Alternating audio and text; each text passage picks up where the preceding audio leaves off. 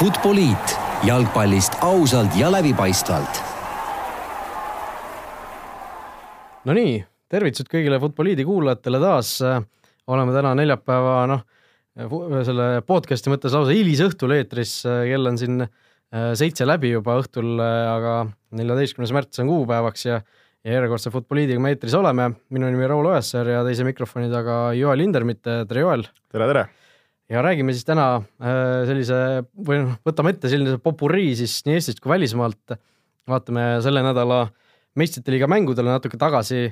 Äh, võib-olla kiirelt puudutame ka homme hommikust loosi, sellest pole väga mõt pikalt mõtet rääkida, sest võib-olla paljud, paljude kuulajate jaoks, äh, kes meid kuulavad, on see loos juba, juba siis toimunud. aga seejärel võtame siis ette ka veel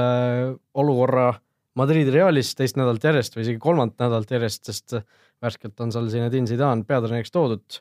Äh, mainime natukene siin äh, või noh, räägime natuke Karol Metsa värskest üleminekust ja ja lõpetuseks siis võtame ette ka koduse premium-liiga, seal siis esimene voor peetud. aga läheme kohe alustuseks meistrite liiga juurde, sel nädalal siis äh, veel neli mängu mängiti kaheksandikfinaalides, mis, mistõttu siis kõik veerandfinalistid on tänaseks selged. teisipäeval kaks mängu, noh, skooride järgi väga ühepoolset mängu võib-olla kiirelt võtame alustuseks läbi Manchester City ja Schalke mängu seitse-null, seda me mõlemad kommenteerisime, mõlemad nägime väga põhjalikult seda. no City oli ikka väga-väga võimas. tõepoolest, äh, City sõitis ikka päris korralikult Schalkest üle ja ja ei olnud seal Schalkest äh, lõpuks mitte midagi järel, lasti korralikult pilbasteks see võistkond ja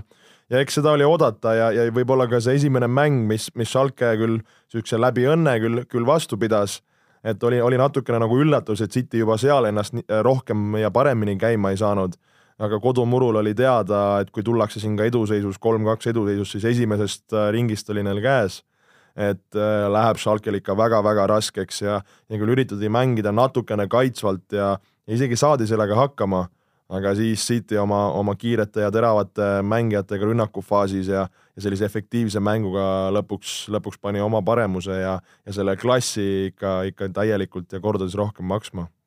jah, Inglismaa meister versus Saksamaa hõbe siis seitse-null, kahe mängu kokkuvõttes kümme-kaks, päris,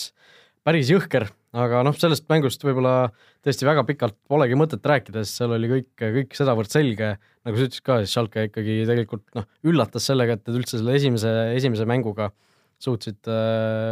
noh, nii-öelda teise mängu eel natukene põnevust tekitada. ja seda küll ja eks tuleb äh, Schalke kohta seda ka öelda, kes võib-olla Bundesligaga nii kursis ei ole, et tegelikult see hooaeg on neil päris korralikult aia taha läinud ja ja hetkel seal neli punkti siis väljalangemistsoonist üldse pä nii-öelda päästmas et äh, see eelmine hooaeg, mida nad hästi mängisid ja, ja lõpuks hõbeda said, siis, siis see hooaeg ei ole see Schalke, nii et, äh, et selles suhtes nagu öö ja päev ja, ja kui sa ikka sellist äh, juba, juba sellist, ütleme, haavatud Schalket endale saad tugeva City näol, siis, siis on selles suhtes käkitegu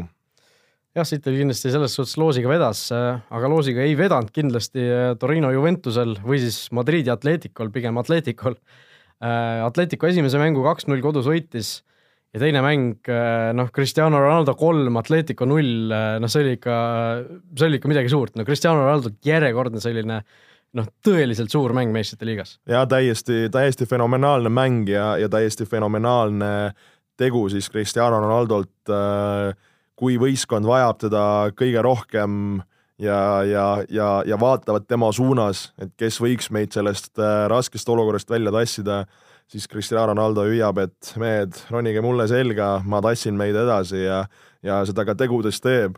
et äh, täiesti, täiesti jah, müstika ja mis, mis tegelikult oli ju äh, päris huvitav, äh, kes on siin sotsiaalmeediat jälginud, siis Cristiano Ronaldo nii-öelda siis nägi seda ette või, või kutsus seda ette eesti keeles öelda, et äh, et nii sotsiaalmeedias kui, kui teiste inimestega suheldes ütles, et äh, ma löön, löön meid edasi seal mitme väravaga ja, ja kui ma isegi ei, ei eksi, siis lubas ka hat-trick'i. kuskilt käis midagi sellist läbi igatahes, noh, see, noh, see teeb selle kogu asja veel nagu võimsamaks, et, et see mees, noh, see olukord oli tegelikult päris raske, sul on Atletico vastas, kes on tuntud sellise noh, hammastega hoiab kinni seal kaitses igast olukorrast, ei lase endale väravaid lüüa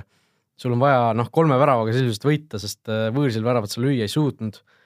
ja noh, Ronaldo lihtsalt äh, step ib up'i öeldakse inglise keeles, et see tõesti täiesti jaburalt, jaburalt pöörane tegelane, see mees.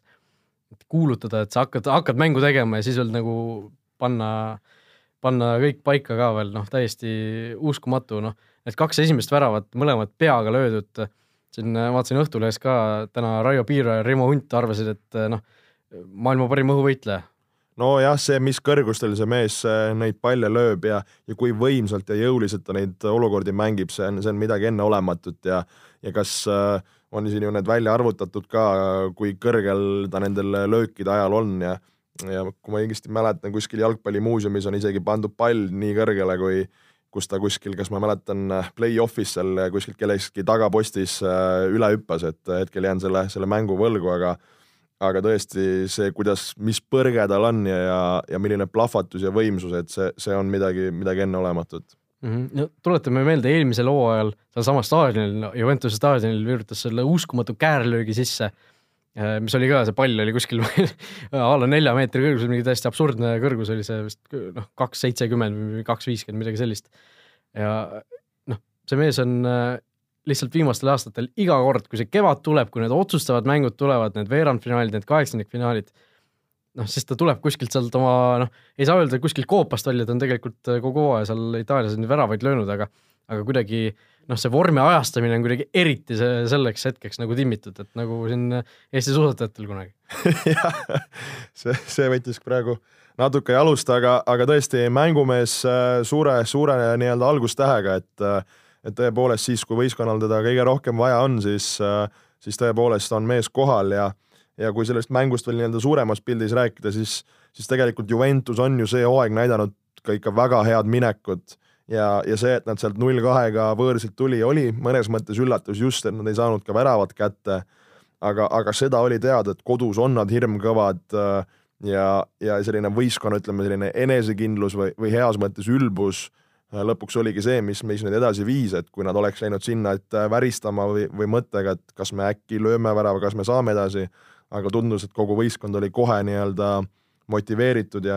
locked in inglise keeles, et, äh, et nad lähevad selle järele ja teevad selle ära ja nad tõesti uskusid sellesse, siis lõpuks ka seda tehti. ja, ja teiselt poolt vaadatuna, kui me mõtleme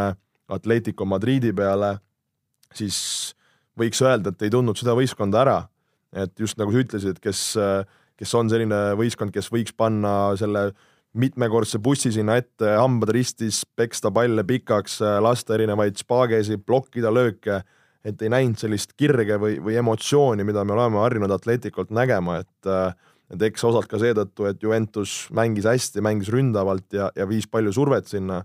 aga, aga kui oleks olnud võistkond, ma arvan, Euroopas, kes selle kaks-null eduseisu oleks võinud ära kaitsta, siis ma arvan, võib-olla esimesena olekski valinud just äh, Atletico. jah, või Juventus enda, et ja. Juventus on ka tegelikult äh, mõnes mõttes selline tüüp, sellist tüüpi meeskond, kes,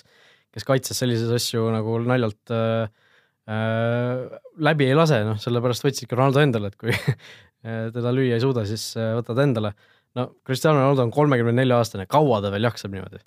jah, kõik ju arvasid, et tegelikult ka siin nüüd selle Juventuse aastal võib-olla äh, laseb grammi võrra lahjemaks ennast, aga, aga näitab mees vastupidist ja, ja, ja see on see, mille pärast äh, on ta maailma parim. jah, no Juventus tõesti äh, edasi pääses. Äh, lähme siis kolmapäeva juurde ka, eilne, eilne õhtu siis meie praeguses olukorras selle lindistamise hetkel. esmalt siis võtame ka selle võib-olla ühepoolsema lahingu Barcelona-Lyon, viis-üks see mäng lõppes noh, skoori järgi väga selline ühepoolne mäng, esimene mäng siis Lyonis lõppes null-null. aga tegelikult seal veel teise poole keskel, ütleme, oli ju teatud mõttes oli pinge õhus, kui Lyon lõi ühe tagasi, seis oli Barcelona kaks, Lyon üks. ja kõik teadsid, et kui Lyon veel ühe lööb, siis on Barcelona juba noh, plindris ja ütleme nii, et äh, null-nulli pealt, kui Barcelona sinna korduskohtumisele, kodusele Camp Nou'le läks, siis äh, oli teada, et suure tõenäosusega ikkagi, oleme ausad, Barcelona edasi läheb Lyon küll esimeses äh, mängus pusis, mis ta pusis, aga, aga minna võõrsil ja, ja seal hakata nüüd tulevärki tegema tundus veidike ebareaalne, et äh, suures pildis ja tulemuse mõttes oodatud, äh, oodatud nii-öelda tulemus ja, ja oodatud edasipääseja. aga jah, kui sa siin seda mängu, seda kaks-üks ja, ja mängu iseloomu natukene siin juba arutlesid, siis tõepoolest see kaks-üks pärast väravat, kaks-üks väravat jah läks korraks selline initsiatiiv, võib-olla initsiatiiv on vale öelda, aga, aga selline värin või, või oli nagu õhus, et Lyon võiks, võiksid midagi võtta, aga, aga selle peale Barcelona ei hakanud väga nüüd jalga väristama, löödi see kolmas suhteliselt kiiresti ära ja, ja, ja siis oli ka mäng tehtud, et see oli see, mis lõpuks selle mängu nii-öelda kotti pistis no Lionel Messilt kaks väravat, kaks väravasöötu, tegelikult noh, fantastiline mäng jällegi, aga noh, kõik räägivad ikkagi Ronaldost. Ja sellest just, ega tuleb Messit samamoodi kiita,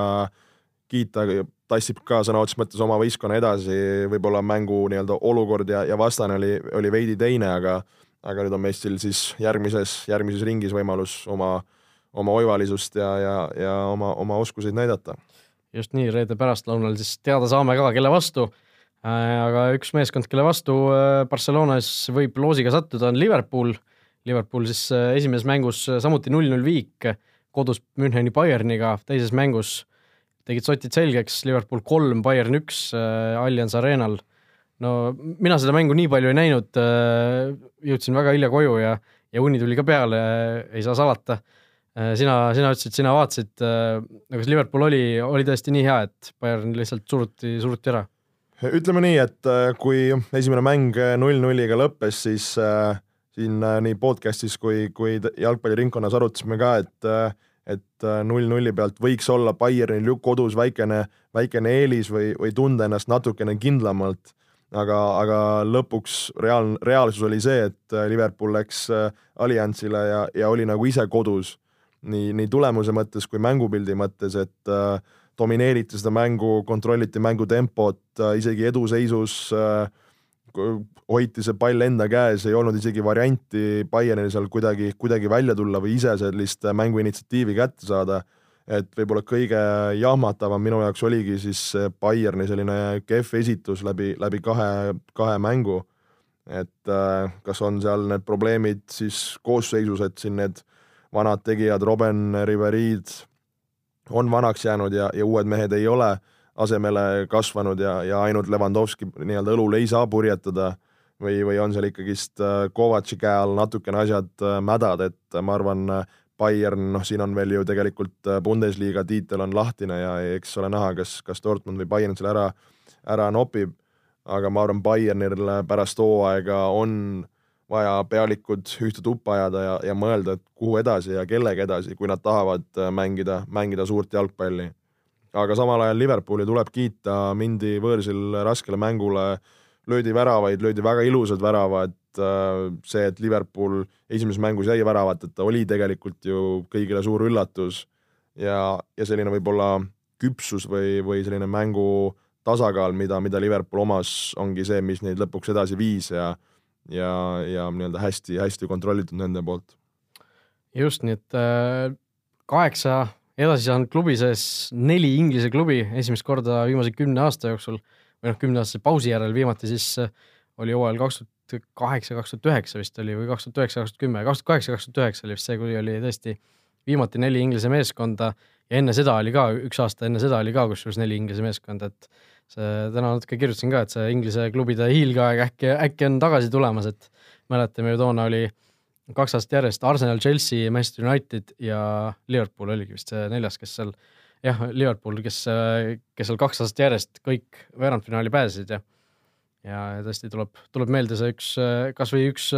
veerandfinaalmäng Arsenali ja Manchester Unitedi vahel, kus Cristiano Ronaldo ka noh, midagi pole muutunud selle kümne aastaga, et kus ka Ronaldo tõesti mängu ise ära tegi, seal lõi täiesti uskumatu karistuslöögi sisse kuskilt neljakümne meetrit, kas oli Jens Lehmann veel väravas või midagi sellist, et et äh, need, need ajad on äkki tulemas tagasi. Äh, tõesti, Liverpool, meil on edasi, meil on edasi Manchester City, meil on edasi Manchester United, meil on edasi Tottenham, et äh, noh, kas Inglise jalgpall on taas tõusmas Euroopas number üheks jah, tuleb kiita Inglise jalgpalli, Inglise klubisi, et äh, on ette heidetud neile just seda nii-öelda ebapiisavat äh, euroedu. et äh, ma ütleks, et võib-olla vara veel hakata hõiskama ja siin kiitma veel Inglise jalgpalli, sest tegelikult ju eelmised aastad on päris, päris halvasti ja nadilt mängitud ja, ja kolinal välja kukutud ja, ja pigem on olnud Hispaania hiiud siis need, kes on, on seda asja kontrollinud. Aga tõepoolest äh, see nii-öelda annab, ma arvan, positiivse tõuke Inglise jalgpalli suunas ja, ja tegelikult ka ju mm näitas, et äh, et nagu, nagu Inglismaa jalgpall saaks sellist uut hingamist, nüüd ongi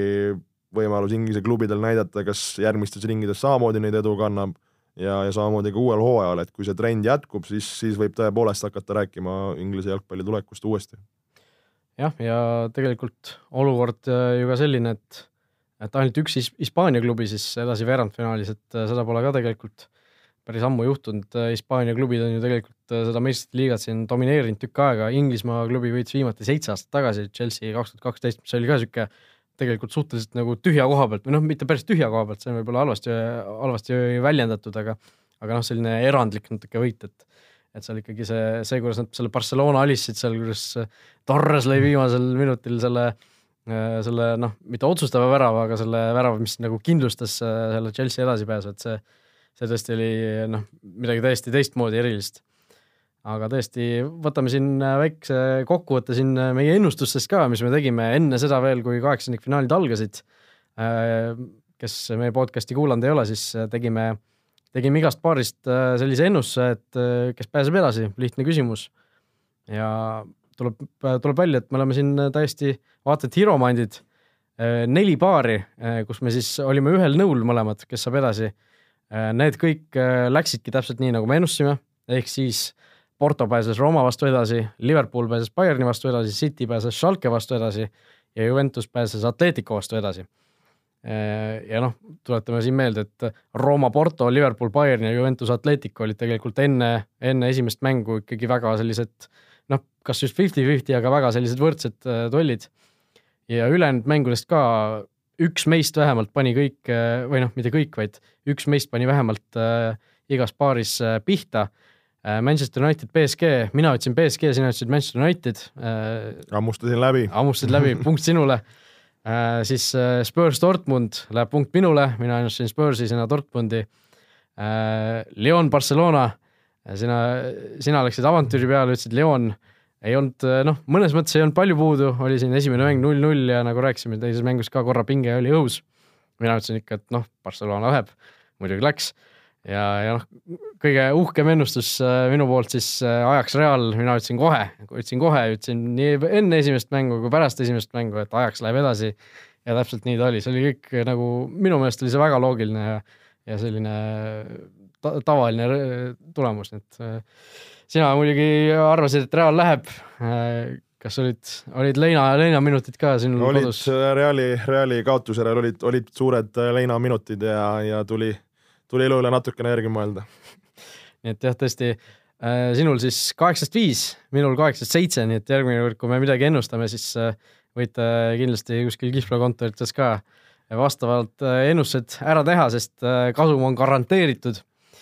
aga, aga tõesti, nii, nii ta on. Äh, homme hommikul siis või noh, pärastlõunal need paarid loositakse. no Joel, äh, on sul mõni paar, mida sa tahaksid kindlasti juba praegu siin veerandfinaalis näha, on sul mingi paar, keda sa ei tahaks kindlasti, et kokku läheksid? Äh, on sul eelistusi? no huvitav oleks, kui võimalikult palju Inglise võistkondi siis satuks eraldi, et et nemad kohe kiirelt siin kokku ei läheks, et oleks igav, kui näiteks mõlemad kaks paari oleks Inglise, Inglise pundid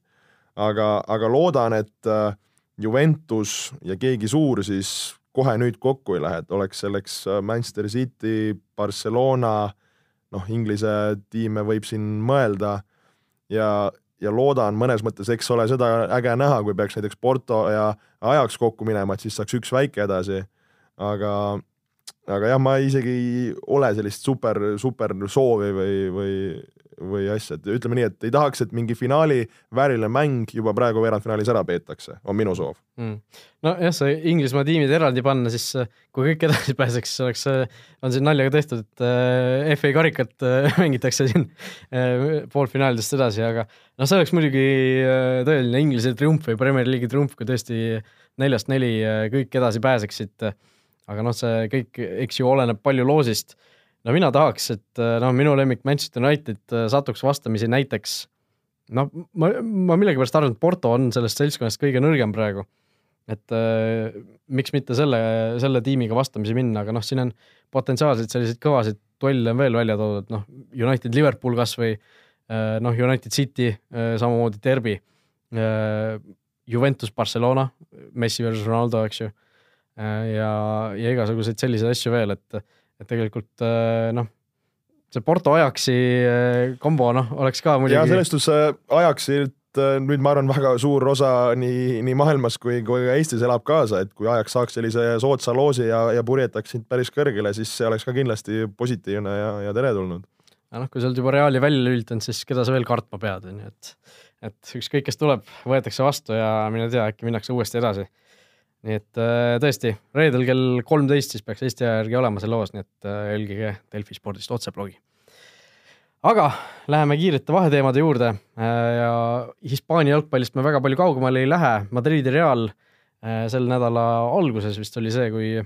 kui tõesti teatati suur communicado oficial äh, et äh, Santiago Solari on ametist vabastatud äh, ja tagasi on toodud siis Zinedine Zidane. Äh, no Joel, sinu esimene reaktsioon? ma olin heas mõttes šokeeritud, et Reali poolehoidjana küll väga õnnelik, et Zizou tee tagasi Bernabeule leidis, aga, aga kui nii-öelda mõelda neid tagamaid või, või üritada aru saada, miks see niimoodi läks, siis jäi minu jaoks veidi segaseks, et just selle koha pealt, et kui, kui Zidane läks, tundus, et sai aru, et võib-olla äh, tiim ei ole enam see, äh, mis ennem oli, tundis, et äh, tahab veidi kas värskust või, või uut väljakutset, eks ju, sahistati siin nii Manu treeneri kohaga kui natukene ka siin Juventuse Prantsuse koondise jah, kohaga. tõepoolest, et Juventuse tagatubadega, et äh, neid nagu muid alternatiive, mis oleksid tundunud talle nagu järgmise sammuna või uue väljakutsena, oli nagu küll ja küll. aga noh, lõpuks meie, meie siin ei tea, mille taha need asjad jäid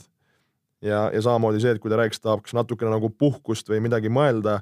et pärast äh, seitset kuud on mees jälle samas kohas tagasi, siis äh, tundus veidike üllatav ja, ja ka eks, eks see taandub selle, selle taha, ma arvan, eelkõige, et äh, kindlasti äh, Perez lubas Zidane'ile, ma arvan äh,, siin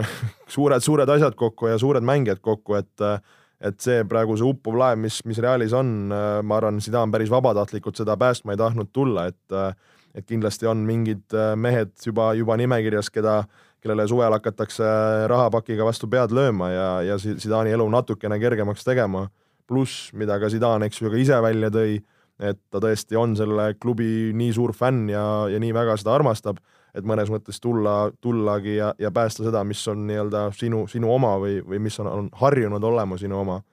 et, äh, et jah, tõesti väga huvitav käik ja, ja huvitav näha, kas Zidane suudab jälle Reali pärast seda, seda aastat, mis on olnud ikka päris üles-alla nii-öelda saada selliseks stabiilseks ja, ja, ja kontrolli alla. Noh, minu meelest Zidane'i poolt on see geniaalne taktikaline lüke kokkuvõttes, et äh, sa oled kolm meistrite liigat järjest võitnud äh,, ütled, okei okay,, lõpetan tipus hetkel. Äh,, samal ajal äh, tead, et ükskõik, kes äh, sinu järglejaks tuleb, äh, ta noh, ta on väga halvas asendis või noh, positsioonis. mõnes mõttes nagu sarnane selle Fergusoni lahkumisega, kui Ferguson ka ju lahkus, siis ta noh, mõnes mõttes on teda kritiseeritud, et äh, tal selline suhtumine, et pärast mind tulgu või veeuputus, et ostis seal kõik Van Persid ja asjad kokku, tulevikule väga ei mõelnud, ta tahtis lihtsalt seda viimast tiitlit et äh, Zidanil noh, muidugi päris nii ei olnud, aga eks ta, ta ju noh, teadis seal, äh, mis seal saama hakkab, et mehed on vanaks äh, jäämas, Ronaldo läks ära, kõik äh, noh, see meeskond vajas ju tegelikult uuenduskuuri ja, ja kuna Florentino Pereziga, Reali presidendiga tal kõige paremad suhted ei olnud toona, eks ju, Perez ei tahtnud teda väga noh, seda üleminekupoliitikat nagu liialt Zidani käe alla anda, siis Zidane noh, kokkuvõttes tegi nagu sellise lükke, et astus tagasi Solari hakkama ei saanud, äh, Lopetegui oli ka veel vahepeal ju, see läks peaaegu meelest ära. et nemad, nemad hakkama ei saanud, toodi Zidane tagasi, ta saab nüüd rohkem palka, ta, tal on nüüd suurem võim meeskonna üle ja noh, olukord on ka selline, et ega sellest hooajast nagu midagi enam noh, midagi enam päästa sisuliselt ju, ju ei ole, et et ma lugesin siin Hispaania meediast ka, et Zidane'i aastapalk peaks olema noh, mis on huvitav asi, on Zidane'i aastapalk peaks olema siis kaksteist miljonit eurot praegu Äh, selle uue lepinguga. alguses, kui ta tuli äh, sealt äh, Castillast, siis tal oli kaks koma viis miljonit, seejärel tõsteti viie koma viie miljoni peale ja siis, kui ta lõpetas, siis tal oli seitse koma viis miljonit. et nüüd sai veel noh, nelja koma viie miljoni eurose palgatõusu aastas. aga mis on selle juures huvitav, on see, et see tegelikult ei ole treen-, tipptreenerite mõttes teab, mis suur palk. Diego Simeone Atletico, linnarivaal saab kaks korda rohkem. Nonii. et äh, tõesti selline liiga raha, rahaahne ta ei ole, et nagu sa ütlesid ka, et ta tundub nagu sihuke klubi fänn olevat, et mõned võib-olla numbrid võrdluseks ka, et Jose Murillo Manchester Unitedis sai kakskümmend miljonit. Pochettino Tottenhamis saab siis kümme, eks natuke Zidane'ist vähem ja natuke vähem saavad ka Jürgen Klopp ja Allegri kaheksa koma viis ja kaheksa miljonit vastavalt, et sellised huvitavad arvud võib-olla, et sina ka treenerina. jah, võib-olla on, on, on, mille nimel pürgida, on ju. on, mille nimel pürgida, et, et selles, sellesse maailma, maailma saada. jah, aga tõesti, ma arvan, et ta mängis endale väga head kaardid kätte, ütleme selle kogu ameti mahapanemise ja nüüd tagasi tulemisega, et äh, kokkuvõttes sai selle, mis ta ilmselt tahtis tegelikult juba eelmine, eelmine kevad. jah, ongi nagu ma ütlesin, huvitav on näha, et äh, mis, mis mehi võistkonda hakatakse jätma ja mis mehi hakatakse tooma, et äh, eks, eks suvi annab selle koha pealt vastused ja, ja annab vastused ka selle kohta, mis, mis suuna siis äh, Real Madrid võtab. Jah, täna ju tegelikult ühe vastuse kusjuures saime, see ilmselt ei olnud küll mingisugune Zidani äh, toomine, aga viiekümne miljoni eest FC Portos siis tuuakse keskkaitsja, mis ta nimi oligi, Eder äh,, Eder Militao, et äh, selline mees. aga Läheme edasi, äh, üleminekud äh, lisaks treeneritele toimuvad ka mängijate seas endiselt, sellepärast et äh, Rootsi liigas on üleminekuaken veel märtsi lõpuni lahti. Karol Mets siirdus siis Hollandi kõrgliigast Bredast Stockholmi AIK-sse, täna see üleminek lõpuks avalikuks tehti või ametlikuks. aga noh, see, sellele eelnes ikka päris pöörane selline noh, üleminekusaaga lausa võiks öelda. korralik, korralik triangel jah et äh, tõesti, äh, kui täna siin oleme lugenud ka, Mets ise Postimehele andis äh, intervjuu, kus ütles, et kakskümmend kaheksa veebruar ehk siis kaks nädalat tagasi täpselt oli see päev, kus, kus tal siis, kus ta sai teada, et AIK poolt on konkreetne huvi, pakkumine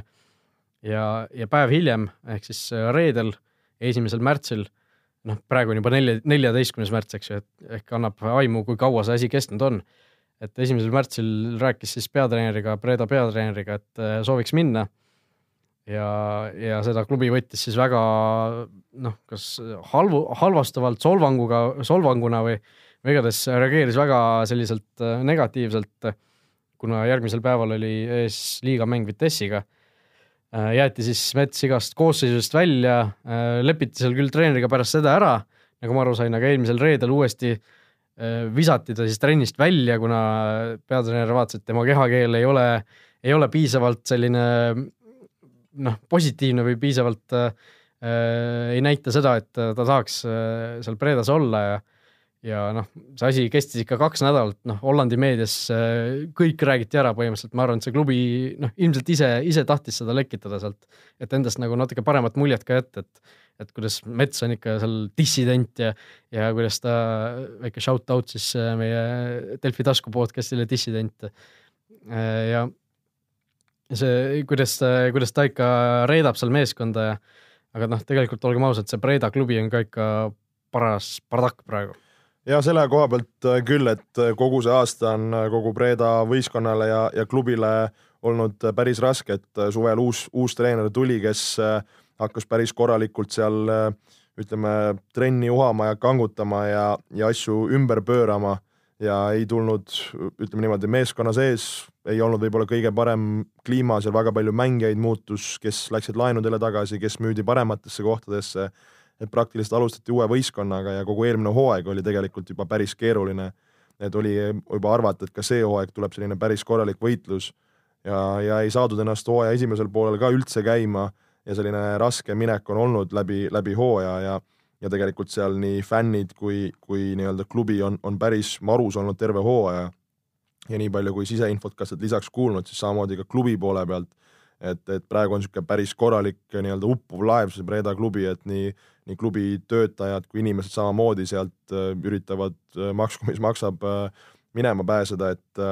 et tundub, et see esiliigasse kukkumine on, on ikka väga-väga reaalne ja, ja, ja eks, eks mängijad ka eelkõige muidugi tuleb mõelda selles suhtes enda peale ja enda heaolu, heaolu peale, et see on number üks asi, et äh, muidugi sa pead võistkonna jaoks andma kõik, mis sa saad ja, ja kindlasti fännid ja, ja muu rahvas ootabki seda, aga, aga kõige tähtsam lõpuks oled sina ise ja, ja sinu karjäär. jah, mängija seisukohast kindlasti, et äh, noh, ma saan ka te tegelikult täiesti aru, miks klubi noh, ütleme fännid ja mingid mängijad äh, Metsale tegelikult äh, noh, etteheiteid teevad selles suhtes, et Hollandis on üleminekuaken ju teadupoolest juba kinni, sa ei saa enam kedagi tema asemele juurde tuua. et selles suhtes äh, jah, ta mingis mõttes kindlasti jättis meeskonna halba seisu, aga noh, nagu me ütlesime ka, see klubi nagu sellest väljakukkumisest ilmselt nii, nii ehk naa ei pääse, et et võib-olla, võib-olla selle Breda jaoks ongi kasulikum see kolmsada tuhat eurot, mis tema eest nüüd äh, maksti, et äh, eriti kui, kui Norrast ta osteti tegelikult saja tuhande eest, et selle pooleteise aastaga kolm korda väärtus kasvas, et päris, päris, päris hea selline diil Breda poolt kindlasti üks sellisemaid kallimaid mängijaid siis sellest klubist äh, maha müüa. aga noh, rahast veel rääkides, siis äh, kui me sellest juba siin mitu korda rääkinud oleme, siis äh, täna tuli siin Rootsi meedias ka päris huvitav selline kõlks välja, et oli, oli talle tegelikult viimasel hetkel konkreetse pakkumise teinud ka teine Rootsi klubi Göteborgi ja, ja oli pakkunud siis, oli Rootsi meedias ka niimoodi välja toodud, see on ka ilmselt noh, klubi enda poolt siis kuidagi lekitatud, et oli pakutud siis sada viiskümmend tuhat Rootsi krooni kuus palka Metsale, mis on siis, tegin kiire arvutuse ka, neliteist tuhat eurot kopikatega. ja, aga sellele öeldi siis ära, nii et äh, sellised, sellised rahalävelid on siin meil Eesti, Eesti meestel pole paha. aga noh, AIK-st rääkides, Rootsi meister valitsev, väga korralik tase tundub olevat tõepoolest, et äh, noh, Skandinaavia jalgpall on olnud viimasel ajal juba ja juba kõvasti tõusuteel ja AIK samamoodi tõesti Rootsi tipp äh, mängimas äh, suurel Friends Arenal viiskümmend, viiskümmend tuhat seal korralikud ultrad, väga selline hea fännikultuur, staadion täis, et samamoodi klubi tingimused treeningkeskkonna puhul, kui, kui sa siin tõid ka välja selle nii-öelda rahalise poole ja, ja mis kindlasti, ma arvan, mängis rolli, on ka see, et kui, kui võib-olla äh, Mets varem on mänginud siis äh, Norras, Vikingis ja Bredas nii-öelda tabeli lõpus ja seal äh, välja langemise nimel või sellest pääsemise nimel. jah, Viiking oli ka tegelikult ju, äh, kukkus sel samal hooajal, kui Mets ära läks, kukkus ka liigast välja. just, et, et see võimalus sul mängidagi meistrite liiga eelringe, noh, kuuldavasti tahetakse ka jõuda, jõuda kaugemale kui, kui seal eelringid mängida igapäevaselt äh, tiitli peale domineerivalt, äh, et see on see lõpuks, noh, sa tahad jalgpalli mängida, mitte, mitte kaitses istuda ja iga päev mõelda, et kas, kas hooaja lõpus sind on äh, meistriliigas või, või oled, oled sa välja kukkunud. ja, ja muidugi seal on väga huvitavaid häid lisaks teisi võõrmängijaid, et oleme ka Floraga paar korda suvisel ajal nendega sõpruskohtumisi mänginud, et tõesti väga-väga-väga hea võistkond. jah, kui võib-olla seda meeskonna nimekirja lahti teha, siis esimene nimi, kes võib-olla noh, ka sellisele natuke tavalisemale jalgpallisõbrale tuntud on, on Sebastian Larson näiteks. tükk aega ju Inglismaal erinevates klubides mänginud, ka Arsenalis isegi kolm mängu kirja saanud, et Rootsi koondises ka pikalt üle saja mängu äh, mänginud, et see tase on, tase on korralik. Soome koondise noor mees Saku Ületuba näiteks on ka seal meeskonnas, et sellised kõvad nimed ja noh, kui vaadata sellesama euromängude poole, mis sa juba mainisid ka, siis tegelikult AIK on mänginud äh, siin küll äh, isegi meistrite liiga alagrupi turniiril, noh, see jääb küll sinna kahekümne aasta taha, üheksakümmend üheksa, kaks tuhat hooajal. ja viimati siis alagrupi turniirile jõuti kaks tuhat kaksteist, kolmteist hooajal Euroopa liigas siis. ja noh, sel hooajal meistrite liiga esimesest äh, sellest päris valikringist alustatakse ja ja vaatasin siin enne ka, et täpselt sama selline euro koefitsient on neil siis kui Nõmme Kaljul tegelikult. et viimastel aastatel väga hästi neil läinud ei ole. on siin noh, Euroopa liigas jõutud äh, stabiilselt sinna kolmandasse ringi, eelmine aasta piirduti küll teise ringiga, aga aga noh, euromänge peaks äh, selle meeskonna ridades kindlasti saama. ja noh, tegelikult väike variant on ka, et minnakse siin meistrite liiga esimeses ringis kokku näiteks Nõmme Kaljuga et äh, noh, kuigi see koefitsient on sama, siis, siis see koefitsient on täpselt selline, kes siin detailidesse soovib minna, siis et, et äh, kui nad satuvad noh, niimoodi, et see koefitsient on täpselt poole peal seal, äh, eks ju, pooled on asetatud ja pooled on asetamata, et kui, kui üks meeskond satub sinna asetatud poolele, teine asetamata, siis noh, selle geograafilise läheduse tõttu, mis on ka tegelikult noh, selline natukene varjatud aspekt selle euroloosidesse, siis selle tõttu on, on isegi mingisugune variant olemas, et et äh, Aiko ja Kalju siis äh, satuvad ka meistrite liiga esimeses ringis kokku, aga noh, see variant on pigem väike. aga läheme edasi siis äh, meie teise suure teema juurde, soovime Karol Metsale siit edu ja. muidugi edu, edu ja loodame, et läheb Karolisel väga hästi. jah, ja Premium liiga on siis meie teine suur teema. Premier League'i esimene voor eelmisel nädala, eelmise nädala lõpus peeti. viis mängu, viis põnevat heitlust, üks, üks põnevam kui, kui teine. Algas kohe no ikka pauguga Premier League'iga, nagu, nagu siin viimasel aastal tegelikult, viimastel aastatel harjunud oleme, mäletame, kuidas siin kaks aastat tagasi Tammeka alistas Infoneti ja ja, ja seekord siis alistas Paide Kalju kaks-null, Alassane Jata ja Kevin Kauber. ja päris noh, tulemuse mõttes üllatus kes äh, mängu nägi, siis äh, noh, üllatuseks on seda võib-olla äh, mängukäigu põhjal raske öelda, aga, aga tõepoolest Kaljult, Kaljult natukene selline võib-olla ei saa öelda, kas närviline mäng või, või mitte nii kindel mäng, nagu, nagu nad näitasid superkarikas ja, ja oleme harjunud nägema. ja samalt väga tubli esitlus just, just Paide poolelt, kes kaitses, näitas ennast väga heast küljest ja, ja need võimalused, mis neil rünnakul tekkisid, väga oskuslikult ka ära kasutasid. no Nõmme Kaljul eelmine hooaeg kaotuseta, sealt noh, see seeria oli natuke pikem ka, kuna sealt üle-eelmisest hooajast veel mõned mängud tulid juurde. ja nüüd kohe esimeses ringis see sahmakas kätte saada, no peab vist ikka päris korralik selline külm dušš olema. ja samas äh, hea võib-olla kohe, kohe see sahmakas kätte saada, siis äh, oled oled natukene rohkem võib-olla erksam ja, ja järgmistele mängudele lähed võib-olla suurema keskendumisega ja ja noh, eks ole näha, kas see hakkab ka mõnes mõttes nii-öelda painama, kui järgmised mängud peaksid ka natukene metsa minema, aga aga ma usun, et äh, Kaljul on seda kogemust ja enesekindlust küll, et see nüüd see üks väratus neid siin äh, väga nii-öelda kõikuma ei, ei tohiks lüüa. no Paide järgmine mäng on kellegi muu kui FC Floraga, mille abitreener sina oled no sa oled natuke eeltöötusi juba ilmselt teinud äh, Paide kohta, millele teil tuleb rõhku panna, eriti siin nüüd laupäeval, eks ju? pühapäeval. pühapäeval. Ei hakka siin detailidesse igaks juhuks minema, aga tuleb rõhku panna sellele, et äh, Paidest tulla tagasi kolme punktiga. No see oli küll kõige ebadetailsem selgitus üldse, ütleme nii. Aga äh, mänge oli huvitavaid veel, ka teine mäng oli suhteliselt üllatuslik, FC Kuressaare sõitis siis võõrsile äh, Narva Transiga mängima null-null viigi sealt kätte sai, kusjuures lõpetati, lõpetati vähemuses või noh, viimane sisuliselt pool tundi mängiti seal vähemuses, et pärast äh, seal Jan Važinski, Kuressaare peatreener, ütles ka naljaga, et äh, saarlased võtsid tuule kaasa Saaremaalt ja ja, ja see neid kõvasti aitas, et äh, mis muljed sul sellest mängust olid? no eks kõik esimesed mängud on alati veidi sellised erilisemad või noh, ei saa öelda, et niisugune vibra või värin oleks sees, aga aga ikka sa võib-olla oled sellises rohkem, rohkem ärevuses ja, ja eriti kui võib-olla vastane ka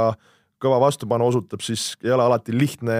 enda paremust maksma panna, et äh, selles mängus ka oli tegelikult päris lahtine mäng, äh, väga palju võimalusi mõlemal võistkonnal, Narval küll veidike rohkem, et seal äh, väravat paaril korral tegi head tööd ja, ja samamoodi kaitseliin, et et noh, Kuressaare on selline võistkond, me teame, kes on sellise hea hingestatusega ja ja kui neil äh, null äh, seal tablool püsib kaitses võimalikult kaua, siis äh, seda rohkem indu nad saavad. ja eks Narva ka võib-olla noh, hooaja algus eriti siin ka võistkond on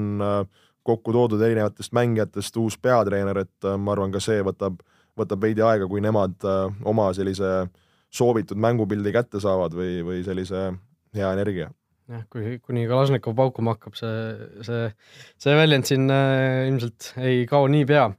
Äh, et selle I Levadia äh, siis igasuguste kihlveokontorite ja paljude ekspertide arvates ka suurim tiitlisoosik äh, sel hooajal alustas äh, noh, kõige suurema võiduga viis-üks Tallinna Kalevi üle. noh, alguses seal küll vist oli Kalev natukene ähvardanud, aga, aga Levadia, kui nagu esimese värava kätte sai, siis tuli suhteliselt kenasti. jah, Kalevi noored pusisid päris kaua tublilt vastu, aga aga Levadia kogemus ja klass äh, sai, sai maksma, mida, mida oligi oodatud ja, ja selles suhtes äh, nende poolt äh, kohustuslik võit nii-öelda ära võetud. jah, üks mäng veel enne Flora mängu peeti siis Tartu Tammeka Maardu linnameeskond kaks-kaks, Tammeka päästis seal endale viimase üleminuti penaltist üldse viigipunkti. no mina eeldasin küll ausalt, et Tammeka võtab sealt noh, kaks-null, kolm-null võidu, et see Maardu mäng oli noh, positiivne üllatus minu jaoks. jah, eks see Maardu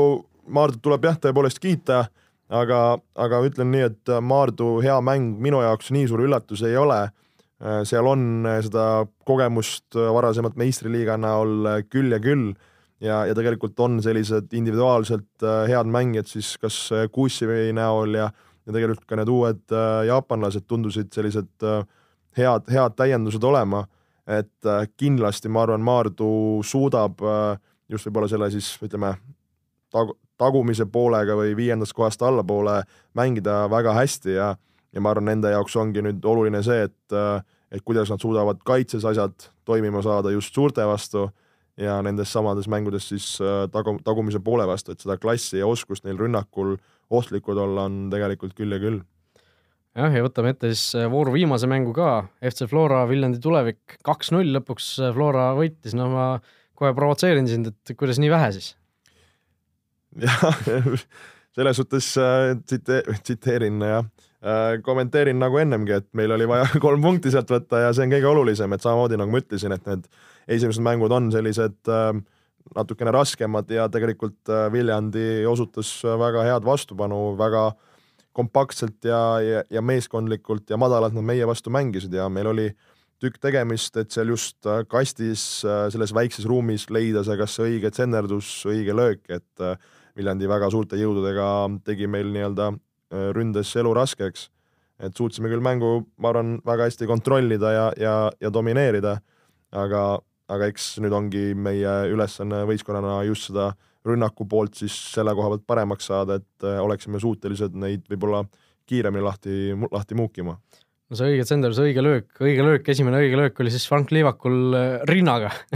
et hooaja avavärav niimoodi lüüa ei ole ka kõige tavalisem. jah, Viljandi meile väga palju ruumi just ääretsoonidesse jättis ja, ja väga palju läbi tsenderduste me me üritasime seda mängu, mängu siis äh, murda ja, ja, ja selle värava puhul tõepoolest pärast tsenderdust see pall õnnega pooleks talle sinna ette jäi ja ja ründaja lõi, lõi värava ära, küll natukene humoorika, aga värav ikka. no lõpetuseks veel Konstantin Vassiljev äh, eksis penaltil äh, seal lõpu, lõpusekunditel, see oligi vist viimane löök põhimõtteliselt mängus. Et äh, kuidas Floras on penalti löömis see nii-öelda järjestus seal, et kas ta nüüd läheb kuskile järjekorra lõppu või, või saab järgmine kord uuesti proovida? jah, kas oli Van Gaal see mees, kellel see eksija läks järjekorra lõppu, et nii palju võin öelda, et Kostja, Kostja rivi lõppu ei lähe, et et selle me meeskonna keskis tavaliselt äh, paneme paika või, või laseme siis nii-öelda teatud nendel võtmemängijatel, kes tavaliselt penaltid löövad, omavahel arutada või, või kokku leppida, et kes see, kes see lööja on, et äh, et tegelikult löök oli, oli okei okay,, Nõmmelt äh, väga hea tõrje, tegemist hea pika väravahiga ka, kes, kes läks õigesse nurka, et et äh, eks äh, Kostal on nüüd äh, võimalus ennast heastada siin järgmistes mängudes ja, ja peab selle võrra siis võib-olla rohkem väravaid lööma. no Kostja mängu vaatasin, Jürgen Henn, Flora peatreener, nimetas siis keskpäraseks pärast mängu, et noh, kas ta siis oligi nagu, ei olnud päris see, keda te ootasite või ikkagi tegelikult oli ta selline kvaliteetne mees, kes lihtsalt selle penalti lõi mööda? eks seda, miks Jürgen niimoodi ütles, peab temalt küsida, küsida, aga aga ei, selles suhtes äh, me teame ju, milleks Kostja on, on võimeline, et äh, eelkõige ma arvan, see puudutas just seda, et kuidas äh, võistkonnana me saame, saame paremini toimida ümber tema ja, ja ka, ka ta, ka tema ise siis selle rolli sees, et et kuidas olla veel ohtlikum väravale, kuidas me suudaksime rohkem leida teda, et ta saaks seda, neid häid sööte sinna liini taha mängida, et et noh, Kostja on ju tegelikult päris vähe veel jõudnud meiega treenida, et et ma arvan, et see üksteise tunnetamine, mõistmine nii mängijate tasandil kui, kui ka taktikaliselt, et see tuleb, et ma arvan, et siin on selle koha pealt nagu on, on varu küllaga.